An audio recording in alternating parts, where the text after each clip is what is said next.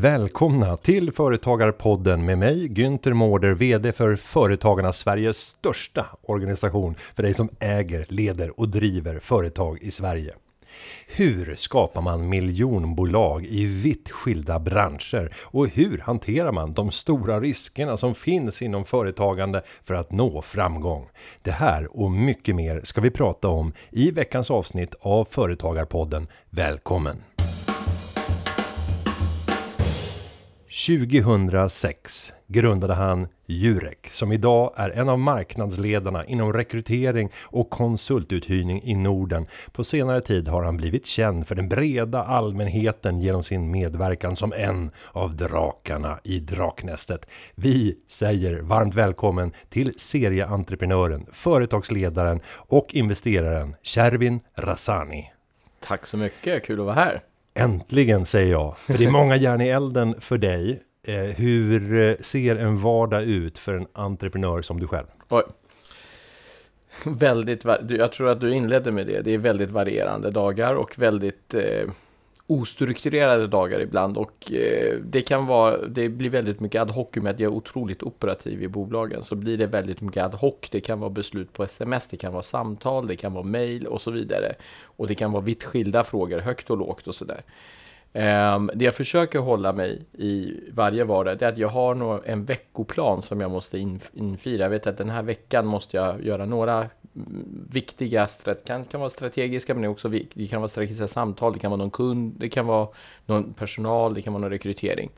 Den försöker jag alltid hålla och sen lämnar jag den dagliga tiden, det vill säga att eh, i princip eh, dagstid, kontorstid till att låta verksamheterna och frågorna löpa. För det är väldigt svårt för mina, min personal eller kund att nå mig annars. Och, eh, så på det sättet ser det ut. Hur hittar du möjligheten att kunna administrera livet? Har du tagit någon hjälp mm. för att eh, kunna organisera upp det kaoset som blir när man ska fatta beslut överallt och ingenstans? Ja, jag, jag har ju med åren, när du har drivit bolag i, vad blir det nu, i 16 år, det blir en livsstil och det blir ju ett maraton i att du fattar snabba beslut. Och ibland är besluten bra, ibland är besluten sämre. Men det, det, du lär dig, det är att du fattar beslut. Och det tycker jag jag har blivit otroligt effektiv i.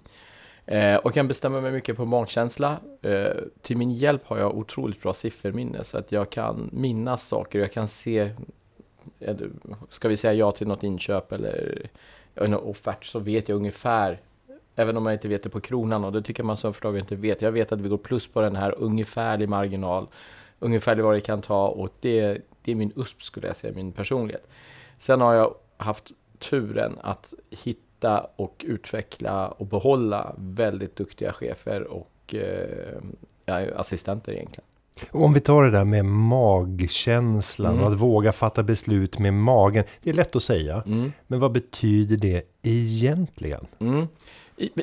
Alltså det, den, är, den, den är väldigt bra fråga av dig. Och det, det, egentligen så är det kanske slarvigt med ord att säga magkänsla, för det kommer ju från magen. Men magen, den, de, var kommer den känslan ifrån? Det kommer ju oftast av erfarenhet. Den kommer inte av något annat. Du kan säga varför i en fotbollsmatch eller en tennismatch så säger du att det, eller vilken sport som helst egentligen, så är det bättre än vi behöver någon erfaren. Därför att den erfarna i den vet magkänslan att jag borde springa åt det här hållet för bollen kommer att komma dit. Man utvecklar en form av så att säga execution live. Det är de otroligt duktiga på. Och det är vad jag tror att man utvecklar också när du har positioner där du fattar mycket beslut. Och, och, och inte hetsar upp dig över något som händer. Och sen har vi det här med ryggmärgsreflex. Det pratar man ju ofta om i idrottens värld, mm. men mindre ofta i affärsvärlden. Mm. Jag går alltid på rygg, ryggmärgsreflexen. Och, och det tror jag att man kan, ryggmärgsreflexen kan vara att i idrottens värld så måste du fatta det i någon millisekund. Mm. Nu slår jag till höger eller vänster eller jag springer åt det hållet eller åt andra hållet. I vår värld så kan det vara att, eller i företagarvärlden så är det mer att du har en erfarenhetsbank eller en policy som säger att det här går jag aldrig emot. Och då, den bygger du under tiden och utvecklar under tiden. Och vissa som är kanske no-go utvecklar du ännu mer no-go, någon som är gråzon blir ännu mer no-go och tvärtom.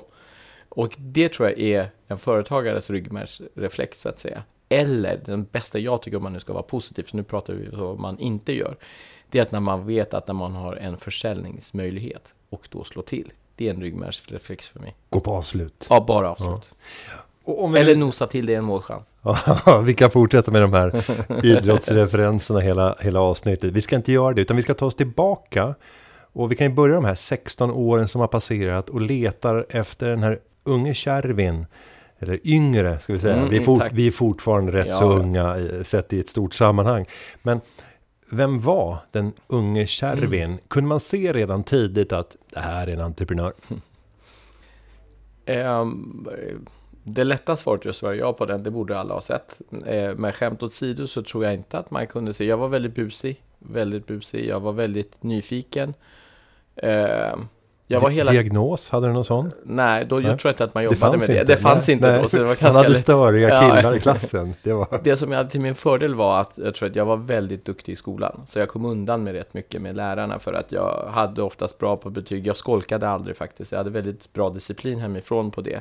Men jag var ju busig till naturen och jag var väldigt nyfiken, väldigt social. Jag hade väldigt stora umgängeskretsar i, i skolan, både med Eh, Eh, de som var jobbigare och stökigare och eh, de som var rena plugghästar i princip. Så att eh, jag kunde parera olika sammanhang och faktiskt fann lycka i de olika sammanhangen på ett konstigt sätt. Så att jag kunde vara med både A och B utan problem. Gjorde du affärer på skolgården redan då? jag är uppvuxen i Husby. Du börjar med affärer när du är i lågstadiet. så att eh, du börjar ganska tidigt. Du hittar något, säljer det till någon annan. Någon annan säljer något till dig. Du tror att du kan sälja något dyrare. Vi, för vår värld när vi växte upp i Husby så var det Kista som Östermalm. Så att eh, de hade ju mer pengar. Mm. Så att då försökte vi hitta något som Kistaborna eller Ervingeborna, för där fanns det bostadsrätter, då kunde köpa. Och vad var det som tände gnistan som gjorde att du gick in på entreprenörsspåret? Jag, jag, jag, kan inte hitta, jag kan hitta indicier, mm. om man säger så på juristspråk, men jag kan inte hitta, jag kan inte klä i ord om det var någon speciell händelse. Uh, däremot så har jag alltid varit snabb på att hitta någonting som jag tror någon annan vill ha, som jag har kunnat köpa och sälja. Det, det, det har haft, och det är för att jag inte haft pengar. Och jag tror att när människan blir lite mer om du har möjlighet som du har i Sverige egentligen, så är det att då får du möjligheten, det är upp till dig lite grann. Visst, det är lite jobbigare när du inte känner någon och den du inte har det, men om man bortsett, tar bort offerkoftan och gnället egentligen, så har du otroligt stora möjligheter till att påverka din egen situation.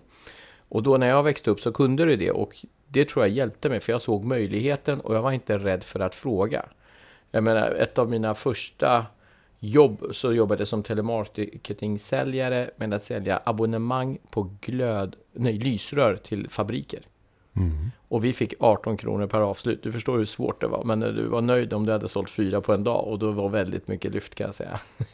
Bra träning. Så det var bra träning. Men hur som mm. helst så var det att jag var väldigt orädd på det sättet. Och kunde, lärde mig hantera nej och lärde mig invändningar. Lärde mig det för att end of the day så hade jag mer pengar än när jag vaknade. Det var så jag alltid resonerade.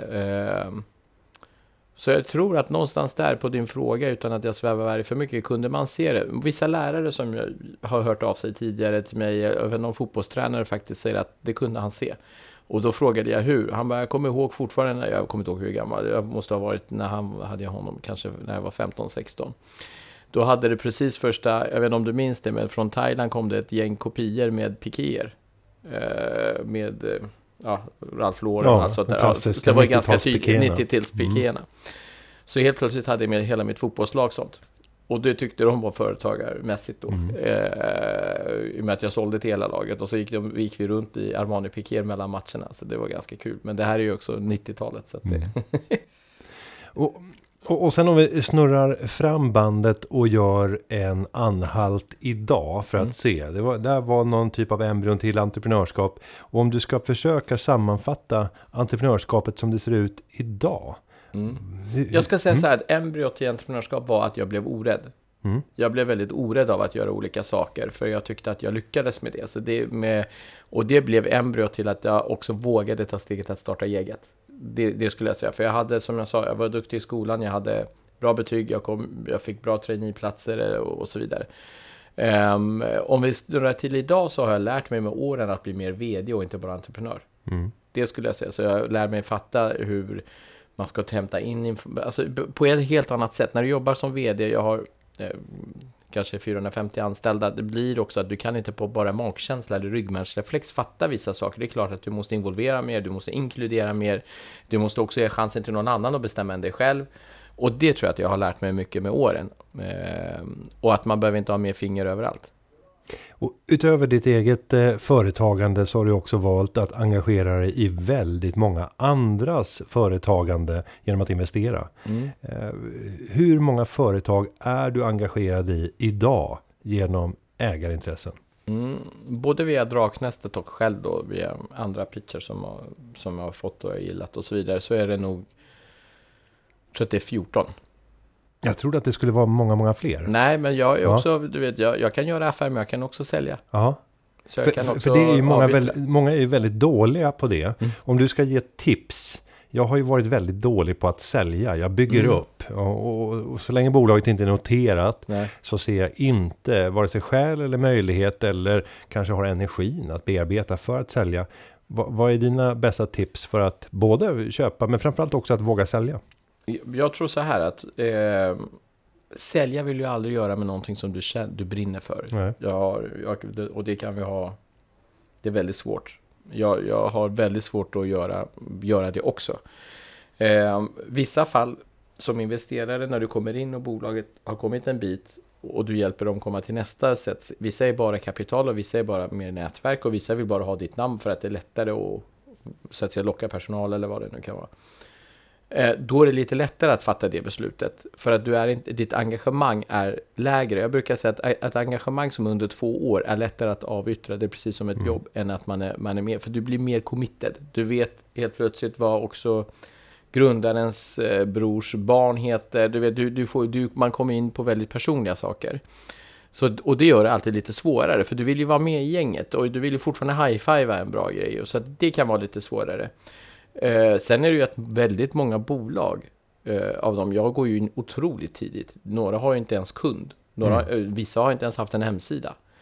Så det är väldigt tidigt då, eh, där du ser att okej, efter ett tag om man inte kommer vidare, då tror jag att det är bättre att entreprenören driver det vidare själv och så får man tacka för kaffet. För då blir det inte det tempot som jag hade förväntat mig i alla fall. Mm. Och då har ju inte värdeutväxlingen blivit det man hade Nej. hoppats på.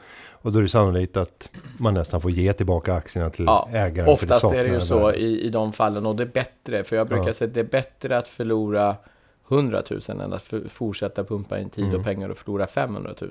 Så Mm. det, det, den, den principen försöker jag faktiskt hålla när jag ser att det inte lyfter.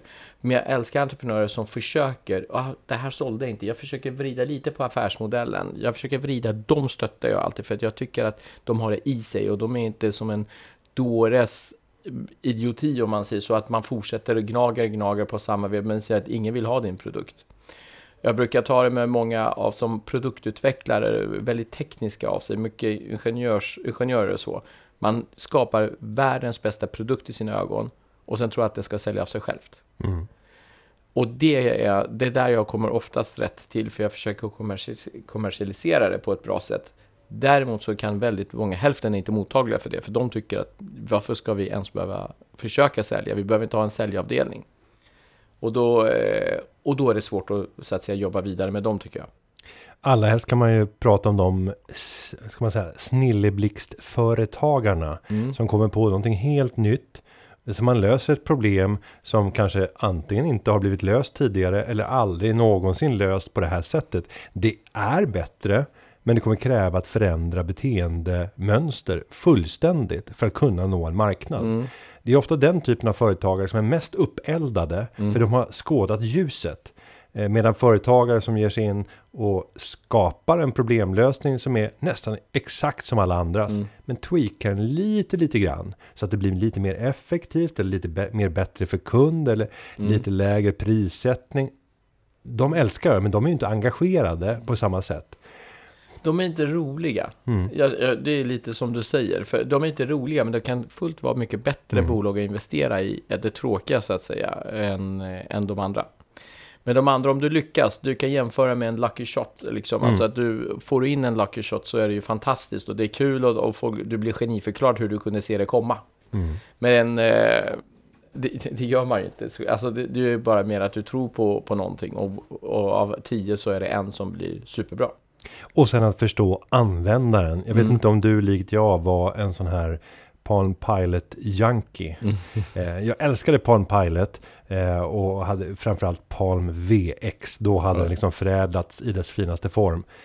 Men den var inte användarvänlig, men det sket jag i. Ja. För jag var den här högavancerade användaren. När jag såg iPhone komma 2007, jag bara gäspade. Och sa du det där hade jag 1998. Mm. Eh, och det var ännu bättre, jag kunde bara gå på med en GSM-modul bakom den och koppla på den. Och det fanns appar, Aftonbladet hade redan släppt Mm. sin app via Palm iOS. Eh, så jag var inte alls imponerad. Men det Apple gjorde var att de skapade någonting som var användarvänligt. Mm. Du ska inte behöva lära ett nytt skriftspråk med Nej. en penna med nya typ av stenografibokstäver. För det är inte användarvänligt för att kunna använda produkten. Så just de där som fattar att kunden ska kunna nyttja det här på ett enkelt sätt. Eh, Och är det inte så att många företagare underskattar vikten av just att skapa lättillgängligheten, enkelheten Absolut. för kunden?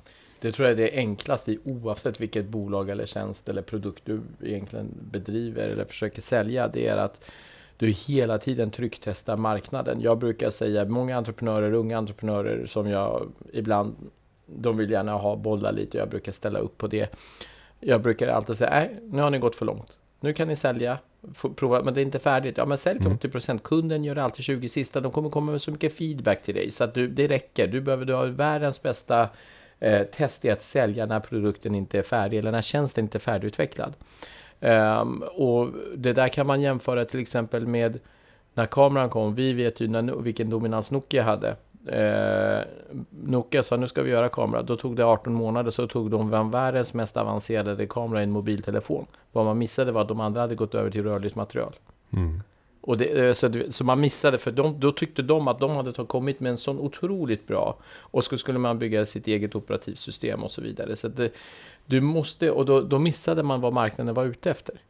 Eh, och det gjorde också att man gick från 33% global marknadsandel till att vara obefintlig i princip. Mm. Och fort gick det. Fort gick det. Mm. Eh, och för, som en liten företagare, man kan applicera på sin egen verksamhet. Jag tycker det är jätteviktigt att låta, eh, inte göra allting till 100%. Kunden gör alltid sista 20. Bra tips. Jag tänker en företagare som ska ge sig in i en konkurrensutsatt eh, bransch. Ett segment där det finns mycket andra aktörer. Du som liten ska kasta in med ett liknande erbjudande. Vad har du för egna erfarenheter och tips för den som är på redan befintliga etablerade marknader och vill kunna konkurrera? Oftast, du, jag tycker du gav svaret faktiskt lite här innan. I, ja, det är ju så jag har gjort.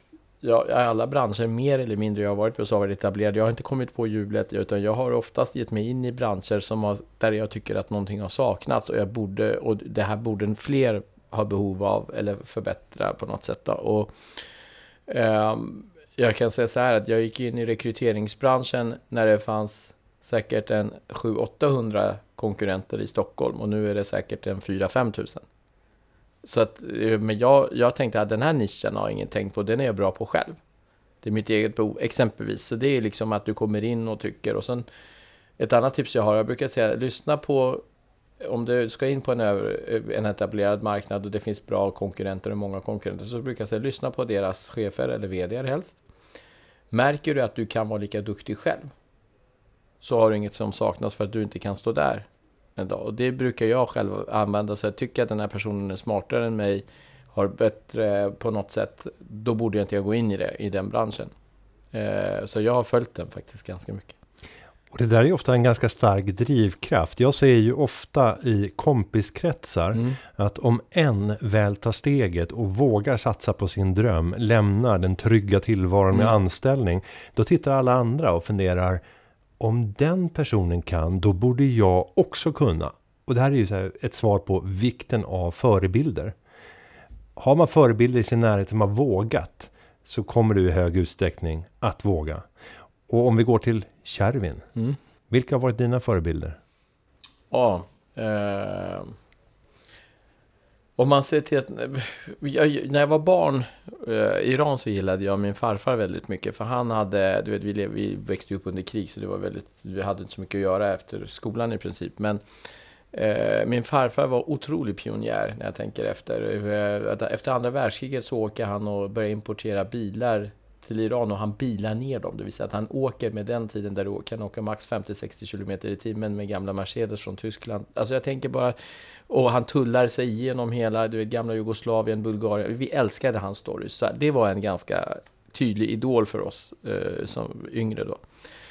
Eh, sen hade jag, förutom ett gäng fotbollsspelare, så om vi jag ser näringslivet så är Jan Stenbeck min mm. absoluta favorit och förebild. Och, och jag älskade hur han ägde 11 procent av Kinnevik, men drev det och, som sitt eget. Mm. Och att han bröt så mycket ny mark. Och han var resolut och tydlig. Eh, det var det är min absoluta, så att säga, eh, idol. Har vi någon motsvarighet till Stenbeck som du ser det idag? Det tycker jag faktiskt inte. Eh, nej, inte i dagsläget i näringslivet skulle jag vilja säga. Ehm, man kan inte jämföra det, men jag skulle vilja faktiskt lyfta Christer Gardell då i sådana fall. För att han kan också gå in i en struktur och tycka att strukturen är fel och man borde göra så här och lyckas med det. Stenbeck var ju ändå operativ och byggde det själv så att säga. Så att, eh, där skulle jag kunna, det är en dålig parallelljämförelse, men jag skulle kunna tycka att de påminner lite grann. Är Christer Gardell en entreprenör i dina ögon? Intraprenör kanske. Mm. Men inte ja, men entreprenör. Det, det är På det sättet, och det är därför jag inte mm. kan jämföra dem eh, egentligen. För det som finns idag och som inte fanns då, det är ju alla de finansiella ägarna mm. som jobbar mycket med andras pengar mm. genom de riskkapitalfonder man har och som starkt har kommit att bidra till utvecklingen av svenska, svenskt företagande och präglat entreprenörskapet. Men där de i många fall själva inte utpräglade entreprenörer mm. utan egentligen är skickliga förvaltare från början och sen duktiga på att sälja i en finansiell kontext och bygga förtroende. Men sen engagera sig i förändringar av bolag och driver på antingen utifrån eller går in via styrelsevägen men aldrig operativt. Mm. Och vi skulle också addera då till det att man har lite jobbigt på vägen. Mm. Väldigt jobbigt att det inte går att du får där alla entreprenörer har jobbigt på mer eller mindre men då skulle jag nästan eh, vilja också lyfta Sebastian Sematowski för mm. Klarna vilket jag tycker har ändå brutit sig globalt, varit drivande, ups and downs och nu verkar komma tillbaka i en väldigt svår bransch men ändå för, och är väldigt användarvänlig app. Mm. Då, det skulle jag kunna lyfta då som också i alla fall har påminner lite om, om Stenbecks eh, Resolut. Och, och, även när vi gör jämförelsen över mot att utmana befintliga strukturer och i Klarnas fall ett oligopol får mm. vi nog ändå säga att det är på global basis med ett fåtal jättar som kontrollerar betalströmmarna. Mm. Och att då slå sig in på den marknaden. Absolut. Alltså, första rekommendationen är försök mm. inte ens. Det är Nej. lönlöst. Men om du ska få utveckla resonemangen och ge ytterligare tips för hur mm. man ska lyckas på konkurrensutsatta branscher. Du säger att du har gjort det många gånger, men vilka praktiska exempel har du på hur man kan agera annorlunda?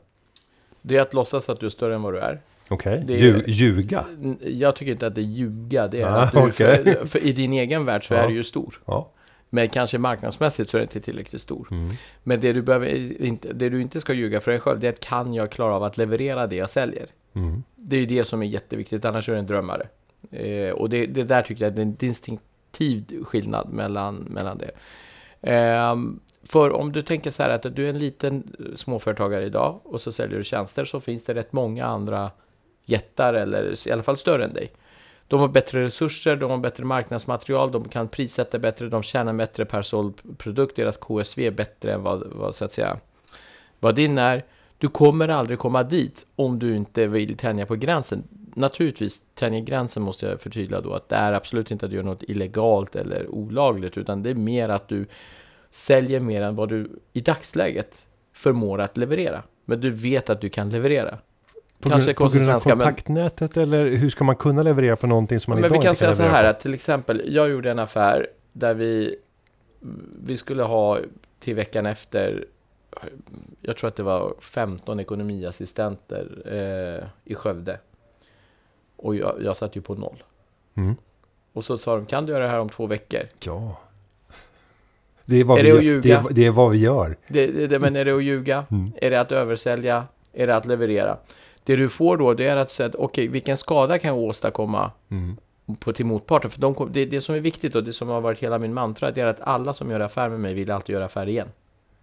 Och det måste du ha. Vi lever i ett litet land, vi har en eh, ganska få i princip egentligen, så att gör du bort dig så är det ingen annan som vill, för det sprider sig så lätt.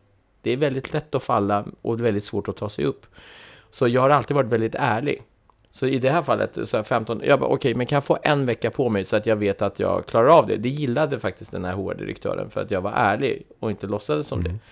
Men efter en vecka så hade jag lyckats, för jag jobbade ju dag och natt då med att göra det. Och så kan man fråga, hur det? Jo, men jag ringde runt till alla arbetsförmedlingar själv som fanns runt omkring. Kunde någon pendla? Kunde vi ordna någon transport? För de, det här var en merger då som skulle pågå i två, eh, eh, i två månader då, där de behövde x antal som satt och gick genom reskontran.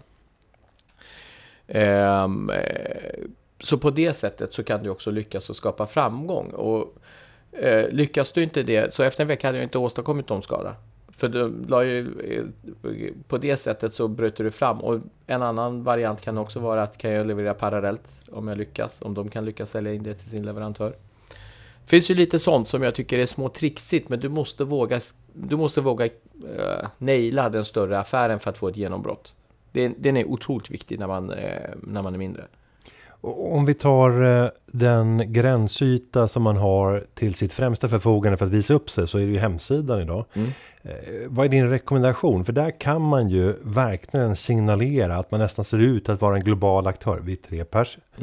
Eh, Men det går ju att göra det antingen väldigt personligt, lekfullt nära. Ja, det är vi, det är vi tre. Mm. E- Eller blåsa upp sig enormt. Mm. Vad, vad är Och tipsen? det beror på vad man säljer tycker jag. Mm. Alltså visa, jag, jag själv, du kan jämföra, vill du gå till en butikhotell eller ett, ett, ett stort hotell med, med 500 rum? Varför skulle du inte välja butik? För den som väljer butikhotellen har också sin kund och den som väljer större hotellet har också sin kund som vill ha kanske 10 restauranger, eh, fyra pooler och allt sånt där. Så om du jämför med det, butikhotellet har ju också sin, och den kan oftast tjäna mer pengar än vad den stora kanske gör, exempelvis. Kanske dålig jämförelse, men jag bara kom på det. Så att det finns en marknad, det du gör, du måste vara så otroligt bra på det du gör så att folk vill komma dit igen. Eller folk vill uppleva det igen, eller folk vill köpa av dig igen för du gjorde det bra. Och man ska inte underskatta det personliga. Jag tycker att i, särskilt i tjänsteförsäljning så är personliga otroligt viktigt. Eh, därför är jag själv väldigt mån om att behålla, jag är både i event och kommunikationsbranschen, jag har så att säga rekrytering och, och konsulter och det är otroligt viktigt med så att säga närhet, viktigt med så att en kund känner sig sedd, en kund känner sig viktig, personal känner sig viktig. Så mitt jobb idag när det är bolaget större, det är att jag försöker göra så att så många som möjligt känner sig viktiga, för då vet jag att våra kunder kommer känna sig viktiga. Det är så man, man, man får jobba så att säga.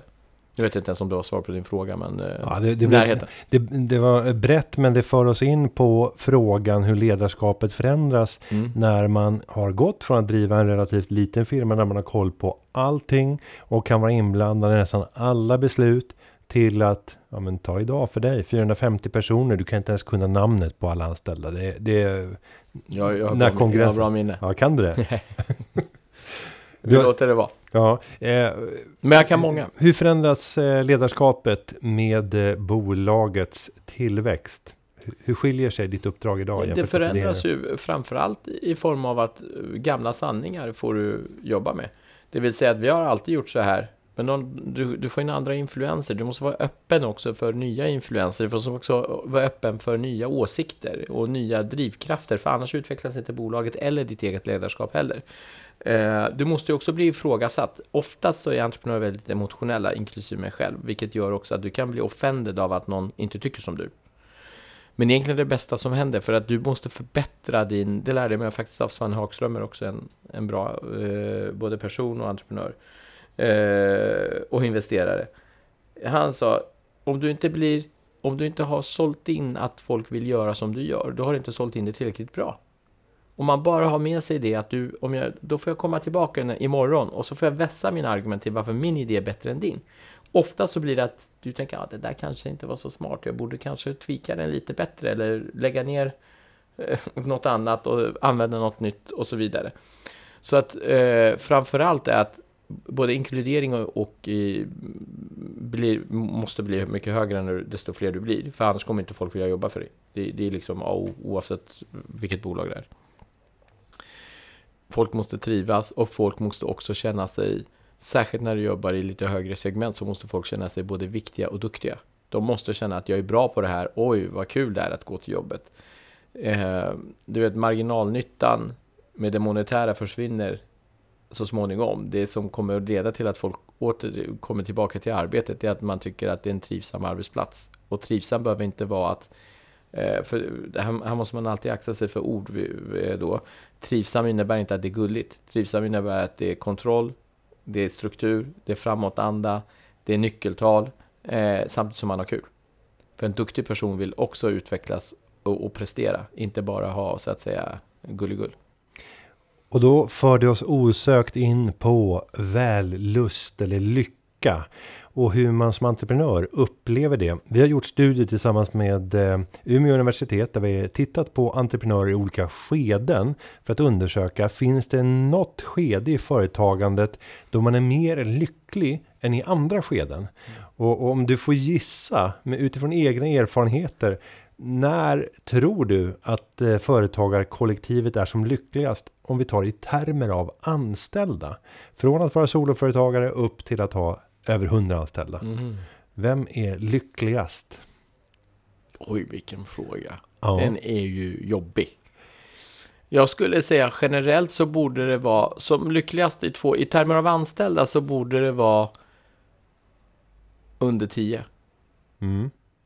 Och du har ju rätt, men du har ju täckt in väldigt mycket. Ungefär 99,8 procent av hela svenska näringslivet är, just under 10 anställda. Men det är soloföretagaren. Ja. Soloföretagaren är som lyckligast. Mm. Och sen när man anställer sin första medarbetare så visar den här studien att då sjunker tillfredsställelsen och vällusten drastiskt. Mm. Och sen så är det ganska lågt under de första anställda. Sen börjar det röra sig uppåt. Och när man kommer upp över 10, uppåt 13. Då börjar man komma upp nivåer som är i närheten av soloföretagarens upplevda grad av vällust. Men den passerar aldrig. Så lyckligast är solokonsulten. Eller Intressant. soloföretagaren. Ja, men jag kan förstå det. Och, och jag tror att det hänger samman med att du bara har ansvar för dig själv. Om det skiter sig. Det finns ingen annan mm. än du själv som kommer behöva bära resultatet Nej, och det stämmer ju, av fallissemang. För många glömmer ju också vilket ansvar det är att driva eget. Ja. Det, är, alltså, det, det är en... Eh, eh, när det går bra så säger Gud vad, alltså, grattis. Eh, men man, de, de tror att man började igår och är jätteglad idag. Det, det är så mycket tid, energi, offre, alltså du offrar ju så pass mycket egentligen för att, komma, för att kunna lyckas. Eh, och du vill ju, du vill ju, en entreprenör för mig är också att man vill ju aldrig vara taskig om du förstår vad jag menar. Du vill ju aldrig säga att jag kan inte behålla dig tyvärr på grund av att det inte går bra. Det är, en, det är också så och det, det har också präglat faktiskt mitt eget ledarskap. Ja, för det är en förlust i sig själv. Det är, en förlust. Sin, sin det, det är ett misslyckande. Men om vi då tittar och slänger den här liturgin som ofta finns när man samtalar med entreprenörer. Om man skulle ställa frågan så här, när har du varit som lyckligast i din entreprenöriella resa? Mm. Så är mm. nästan alltid svaret så här, ja men nu! Men du får inte säga nu, utan vi tar mm. bort och sätter nu som en parentes. Och så tittar du tillbaka på 16 år av företagande. Mm. Och så får du välja en annan period. Oj. Eh, ja, jag kan säga att jag har fortfarande lyckoruset i, eh, i bilen. Eh, jag minns det, det här är 2006. Eh, jag hade en liten Suzuki Swift. Jag kom åkande på Djurgårdsbron för ett samtal. Jag hade, jag hade fått in en kund då som hette Intrum Justitia. Eh, då, och vi, vi skulle göra en stor marknadsundersökning och jag hade fått affären. Och jag hade ringt och sagt att och jag, du vet, det, det här var en breakthrough. 50 400 kronor inklusive moms var fakturan. Då ringer de och säger att ja, vi har inte ett bankgiro för jag hade, jag hade, jag hade inte startat det. Mm. Ja, men kan jag få komma och hämta ut det i en, en postväxel? till deras ekonomiavdelning. Och jag vet inte, så ringde de tillbaka och, då, och jag kände då Hans Lindqvist, detta vice vd, jag hade gjort min D-uppsats åt honom, han hade väldigt mm. gott öga till mig. Och eh, då, då, då får jag samtal av hans eh, sekreterare och undrar vad som försiggår. Jag bara, nej men vi behöver pengarna nu och sådär. Så fick jag samtal av ekonomiavdelningen. Du kan komma imorgon och hämta det. Och jag kommer ihåg när jag gick dit och hämtade faktiskt den här växeln. Jag snackade till mig det det var sånt lyckorus för mig. Så att jag, jag tror jag, jag kan inte förklara det. det, det den var sjuk. För att jag kände att här hade jag lyckats. Jag, jag, var framgångsrik. Jag hade kunnat debitera någon ganska mycket pengar och få otroligt mycket pengar för mig då. Eh, det var ena. Den andra var eh, när vi hade varit nära konkurs ett par tre gånger. Eller var, kanske tekniskt sett var det. Fick, eh, eh fick Gasellpriset av Dagens Industri som ett av Sveriges snabbast växande företag. Eh, efter ett, ett, tre år efter det. Det var också en feeling jag fick eh, då att jag hade, jag hade kunnat tillsammans med medarbetarna vända det här. Eh, det var också en otrolig, de skulle jag vilja lyfta Var det revanschkänsla eller vad var känslan? Ja, det var ja. revansch. Det var också så här skönt, du fixade det. Mm. Och jag, jag har ju en så här sjuk grej, det är att när jag känner att det har gått bra, då går jag och köper en korv med bröd med japp. Alltså Shit vad gott. Ja, jag vet. Ja. Galet dålig uh, kostcirkel, men Men jag kommer ihåg att jag gjorde det då. Ja. Eh, om vi tittar på andra affärer som har bytt, betytt mycket för dig. Kan du dela med oss av Kanal Digital? För det vet jag är en speciell historia. Ja, som tur är så är de, finns de inte längre uppköpta Nej, och preskriberade. Men eh, man, man, kan säga så här att, eh, long story short, för det här kräver en egen podd egentligen om jag ska gå in i bara den. Får återkomma. Ja. Mm. Eh, men vi, vi går och jag har drivit bolaget ett år, storhetsvansinne, så jag må, vi måste bli större. Postväxel? Hitta, ja, ja, ja vet, från postväxel till bankgiro, du vet, och sådär. Men jag sitter fortfarande i inkubatorplats på universitetet.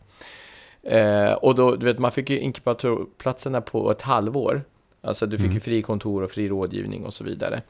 Jag vet inte hur, men jag snackade till mig, jag satt ju där i, i 18 månader. Eh, då med eh, jag kommer inte ihåg varför jag fick det, men jag fick Bra det. säljare. Ja, jag fick det. Mm. Eh, eh, men då såg jag att oj, eh, och så får jag ett, eh, jag fick ett sam, eller jag ringde ett samtal och så sa de ja, nu, vi ska ju stänka ner det analoga nätet så vi, vi, vi kommer att behöva ha ganska mycket korttidsbehov av personal på de här olika för att informera för att folk skulle välja kanal digital eller kom hem eller allt vad det var. Uh, jobbar ni med det? Jobbar du med sån personal? Ja, absolut. De bara, vart då? Jag bara, över hela landet. Eh, och vi, vi satt ju med, det var ju bara jag och en till då i bolaget och den personen hade jag fått på praktik från Arbetsförmedlingen. Så det var ju, den var ju lite svår, mm. uh, svår att bemästra. Men aha, och går och sådär. Och då började, du vet, jag började drömma i min egen värld. Jag måste se till att, så jag fick i alla fall komma på besök. Jag fick komma och presentera. Jag sålde in ett besök, så jag kommer dit, presenterar, besöket går bra jag får positivt besked av att ja, men det har gått vidare så nu vill jag komma och besöka hos er och nu kommer då... Nej, nej, nej, nej, nej, nej. Och du vet, jag kan inte ta er till en barack vid universitetet, det, det skulle aldrig gå. Mm. Eh, och affären är då att du sk då skulle man få ut 30 personer i fyra månader. Du vet, det är ju en hundradubbling av vad jag hade då i mm. Eh, på den tiden fanns det något, det fanns ju inte sådana sidor på, på, då i alla fall. det finns det idag, men då fanns det något som heter Gula sidorna om du minns. Mm. Och i Gula sidorna kunde det stå lediga lokaler. Mm. Så jag slår upp och sen vill jag ha ett central adress eh, då. Så jag hittar eh, Kungsgatan 37. 180 kvadrat. Eh, tyckte att det var ju bra. Eh, så att, eh, och Kungsgatan 37 är korsningen Sveavägen Kungsgatan. Så väldigt bra adress vid Hötorgets tunnelbana. Eh, så att eh, jag åker dit, träffar en äldre farbror som ägde då eh, lokalen. Och han säger att vi kan hyra ut den eh, på tre år. För det är, jag bara, men jag kan inte hyra den på tre år, för jag har inte, alltså, jag har inte behovet, så, men jag kanske har behovet. Hur som helst, det landar i att jag får hyra den på kort tid, på sex månader. Men jag måste in med ett kvartalshyra i förskott då, det går han med på. Och det här är galet intressant att jag vågade göra det. För jag, lokalen kostade 33 000 per månad.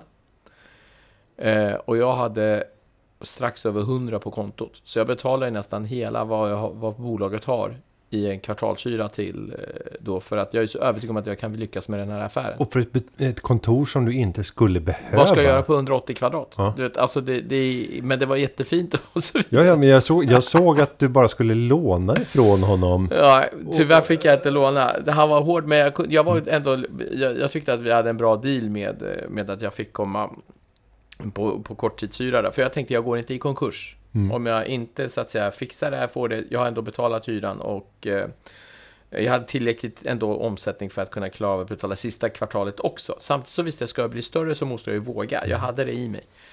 Eh, då kommer vi till lokalen eh, och jag, min, jag minns fortfarande, för det, var, det är också en av de här lyckorusen när du tänker efter, men då var det väldigt nervöst. Lokalen är totalt tom, så inte ett enda skrivbord. Och då har jag då en studiekamrat som jobbade på Alekta på Regeringsgatan då. Eh, och då sa han, du vet du vad, jag kan fråga min chef för vi ska byta ut möbler. Eh, om du vill köpa några. Och då så, vad heter det, jag bara, visst, så ringde de tillbaka. De bara, men du kan komma, de här behöver vi inte. Så vi hade ändå tänkt att skänka dem. Eller liksom. Så vi går dit och jag har ju inga pengar så jag ringer några gamla kompisar. Så vi lyfter soffa, skrivbord och så vidare. Går vi från Regeringsgatan utan lastbil till Kungsgatan och lyfter upp alla och skruvar upp. Och jag fick hur fint lokal som helst. Eh, så det som händer då är att när de här ska komma, det här gör jag på loppet av alltså tio dagar tills besöket ska komma. Jag ringde och lyfte på, jag sa tyvärr förhinder kan vi ses eh, på måndag, det var kanske en onsdag då vi hade bokat mötet. Det går bra. Och eh, för att edga det, edga det här, när de kommer på besök så säger jag måste ha personal som sitter här. Vi måste visa att vi är en, några, annars kommer de ju aldrig tycka att vi, vi är riktigt stora.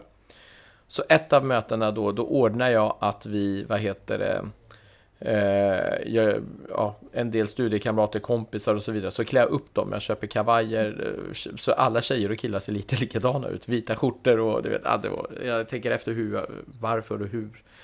Men eh, när de kom i alla fall, så var det både bemannat, det var personal, det var uppklätt, det var professionellt, i alla fall till utseendet, och, men vi hade inga datorer, så men vi hade en del skärmar, så folk satt framför skärmar, men man kunde inte se om det fanns en bärbar eller mm. inte. Ja, lång story. Så det gick bra. Andra gången de skulle, och så gick vi vidare. Andra gången de skulle komma på besök så la jag det på en fredag eftermiddag, för jag kunde inte ringa dit alla hela tiden. Eh, på fredag eftermiddag så var det jag och en till och en kompis kom mm, då och satt och så sa vi att på fredag efter lunch så är vi lediga. Man får jobba. Det tyckte ju då den, deras mm. HR som var på besök ja. då, vilken bra, otroligt bra idé. Det, så det gick jag. Hur som helst så landade det att jag och en av de, eller Sveriges största aktör då, får dela på eh, norra Stockholm. Vilket var en del köpcentra då, så jag får in 20 personer. Jag fick inte det här stora, men jag fick 20 personer. Inte 30, men 20 och vet att om jag gör det här bra så kommer jag få resten av Sverige. Så du vet, 20 så jag, jag gjorde allt jag kunde. Jag gjorde det själv och jag gjorde det otroligt, väldigt manuellt. Men vi rockar ju. Vi rockar, jag betalar högre löner, har samma omkostnader. Jag, vill egentligen, jag är inte ens ute efter profit, utan jag vill bara göra det bra.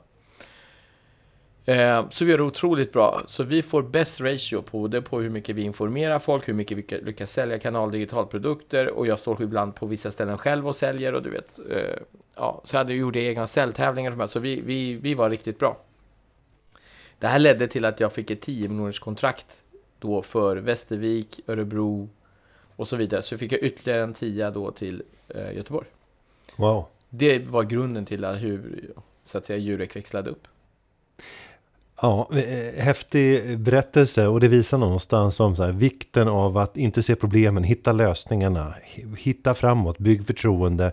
Sen hade, sitter jag ju och tänker på tanken om det är tomt på kontoret så föder det också förtroende. Så här, du, vi är ett bemanningsföretag, folk mm, är ute, ute och ja, jobbar. Precis, det är absolut. inte så konstigt. Så jag blir glad när kontoret är tomt. Ja, så, är det, så tänker jag nu. Ja. För alla är på besök eller jobbar. Men ja. så tänker du inte då, för du vill ju visa, visa att ni är stor, när man, man är lite större. Ja, Kärvin, jag är säker på att vi hade kunnat fortsätta här hela eftermiddagen och kvällen och bara sitta med de här war stories och få höra om resan fram. Det har varit otroligt inspirerande och jag hoppas att många som har lyssnat till det här har fått lite nya tankar och för de unga som inte vet vad en postväxel är, googla. det finns nog en del sådana.